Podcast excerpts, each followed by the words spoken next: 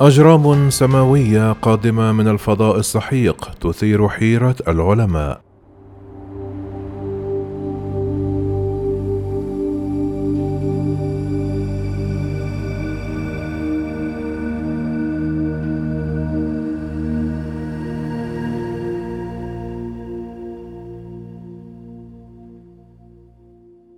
أمضى علماء الفلك عقودا يبحثون عن أجرام سماوية من خارج مجموعتنا الشمسية ثم وصل اثنان في نفس الوقت فمتى نتوقع وصول الجرم السماوي القادم إلى مجموعاتنا الشمسية؟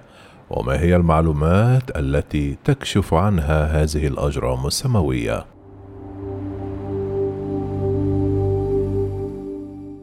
في أكتوبر تشرين الأول من عام 2017 رصد العلماء بقعة ساطعة صغيرة في أعماق الفضاء باستخدام تلسكوب في مرصد هالاكايليا بهاواي. وظن العلماء أن هذا الجرم السماوي الذي بلغت سرعته تسعون ألف كيلومترا في الساعة قادم من اتجاه نجم النسر الواقع والذي يبعد عن الأرض بمسافة 237 تريليون كيلومتر. وافترض البعض أن هذا الجرم يتخذ شكل سيجار طويل بينما رأى آخرون أنه في صورة قرص شبيه بالمركبة الفضائية. لكن بمجرد رصده كان الجرم السماوي قد اقترب من الشمس وانعطف بعيدا عنها وانطلق في اتجاه مختلف. عرف هذا الجرم السماوي باسم أمواموا التي تعني بلغة سكان هاواي. رسول من بعيد يصل أولا ولفتت سرعته الهائلة.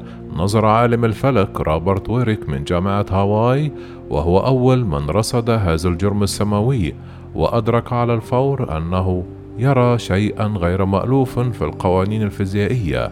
فهذا الجرم ليس مذنبا ولا كويكبا معتادا.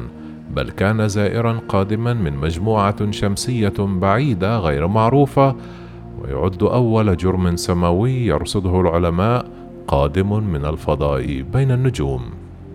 وسرعان ما اتضح لعلماء الفلك أن أم واموا فريد من نوعه لكن ثمة أمرين أثار حيلة علماء الفلك.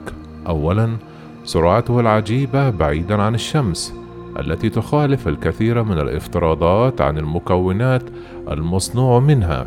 وثانيا شكله غير المعهود إذا أشار البعض إلى أن طوله أكبر من عرضه بعشرة أضعاف في حين أن أكثر الأجرام السماوية المعروفة استطالة يبلغ طولها ثلاثة أضعاف عرضها.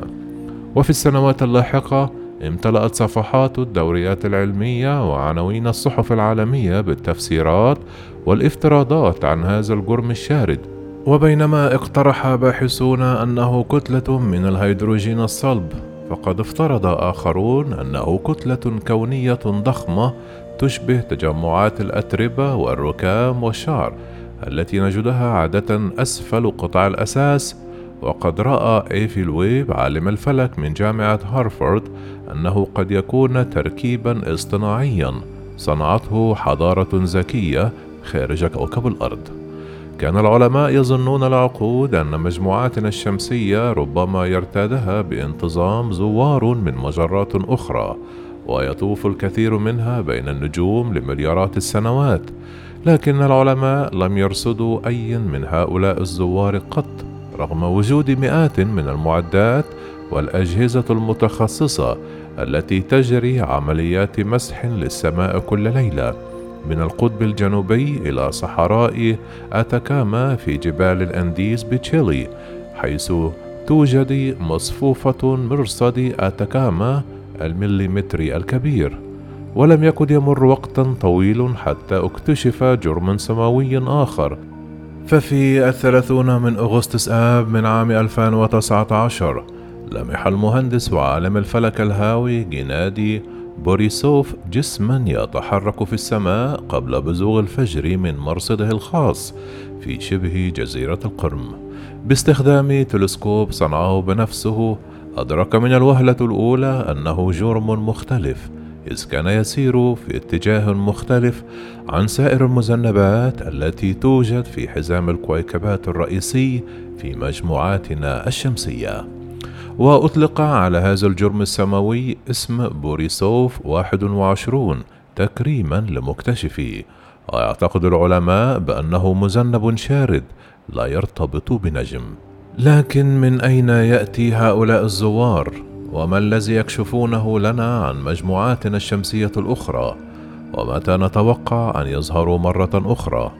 ربما يكون من المفيد أولا أن نعرف مما تتكون هذه الأجرام السماوية. لم يتمكن أحد بعد من الجزم بأن أمواوا مذنب أو كويكب، وقد يكون شيئا آخر مختلفا لكن العلماء يعتقدون أن أغلب الأجرام التي تسبح بين النجوم هي مذنبات وبعض المذنبات التي تستقر حاليا في أقصى أطراف مجموعاتنا الشمسية ربما كانت اجساما متنقلة بين النجوم قبل أن تكتسبها قوة الجاذبية الشمسية لكن معظم المذنبات لديها ذنب أي تجر خلفها سحابة ساطعة وهذا الذنب يظهر عندما يقترب المذنب من الشمس وترتفع درجة حرارته ويطلق الغازات المجمدة والغبار بداخله لكن أمواموا لم يطلق شيئا وفسر العلماء ذلك بأنه انتقل إلى أعماق المجموعة الشمسية ثم اتجه نحو الشمس وانحرف بعيدا عنها. يقول لويب كلما اكتشفنا معلومات جديدة عن هذا الجرم السماوي ظهرت أمور غير معهودة ويضيف أنه في أحد المؤتمرات عن امواموا قال له صديقه الذي يدرس الكويكبات منذ عقود ليته لم يظهر قط لأن هذا الجرم السماوي جعل العلماء يشككون في جميع المعلومات التي يعرفونها. وقد ظن العلماء في البداية أن امواموا كويكب صخري لكن آلان جاكسون عالم الفلك بجامعة أريزونا يقول عندما لاحظوا سرعته عند ابتعاده عن الشمس استبعدوا هذا الاقتراح. فمن الطبيعي أن تزداد سرعة المذنبات بعد مواجهة قريبة مع الشمس. ولكن لأنها فقط تمتلك أذنابا إذ تعطيها الغازات التي تطلقها دفعة للانطلاق بعيدا بطريقة شبيهة بمحركات الصواريخ. ويقول لويب كانت هذه هي القشة التي قسمت ظهر البعير فبالإضافة إلى قوة الجاذبية الشمسية كان ثمة شيء يدفعها بعيدا جدا وهذه الدفعة تحتاج لتبخر عشر كتلتها تقريبا. ولهذا اقترح البعض أن أمواموا هو كتلة ضخمة من الهيدروجين المجمد الذي يمتلك ذنبا لا يمكن رؤيته من الأرض. لكن لويب وفريقه لم يقتنعوا بهذه الفكرة لأن كتل الهيدروجين المتجمد لا يمكن أن تظل باردة بما يكفي لتشكل جسما بحجم أمواموا ونظرا لأن نقطة تجمد هذا الجسم تبلغ 259 درجة مئوية تحت الصفر أي أعلى نسبيا من درجة حرارة الهواء المحيط في الكون. فمن غير المرجح أن يظل متجمدا لمئات الملايين من السنين طيلة الرحلة التي قطعها من أقرب المناطق من الفضاء حيث نشأ خارج مجموعاتنا الشمسية فقد يتفكك حتما بفعل ضوء النجوم. وعندما استقطبت فكرة أن أمواموا صنعته حضارة ذكية في كوكب آخر اهتمام بعض العلماء ولا سيما العلماء بمعهد البحث عن كائنات ذكية خارج الأرض الذين قرروا توجيه تلسكوب إلى أمواموا بحثا عن إشارات لاسلكية تصدر منه. ومع استمرار جدال العلماء فسر بعضهم بأن هذه الفكرة أن الدفعة الغامضة التي تلقاها أمواموا بعيدا عن الشمس ربما سببها انعكاس أشعة الشمس على سطحه. وهذا يتطلب وجود سطح عاكس مسطح ورقيق مثل الشراع الذي تحركه الرياح على القارب. وبالفعل كان هذا الجرم السماوي ساطع إلى أقصى حد بما لا يتناسب مع صغر حجمه.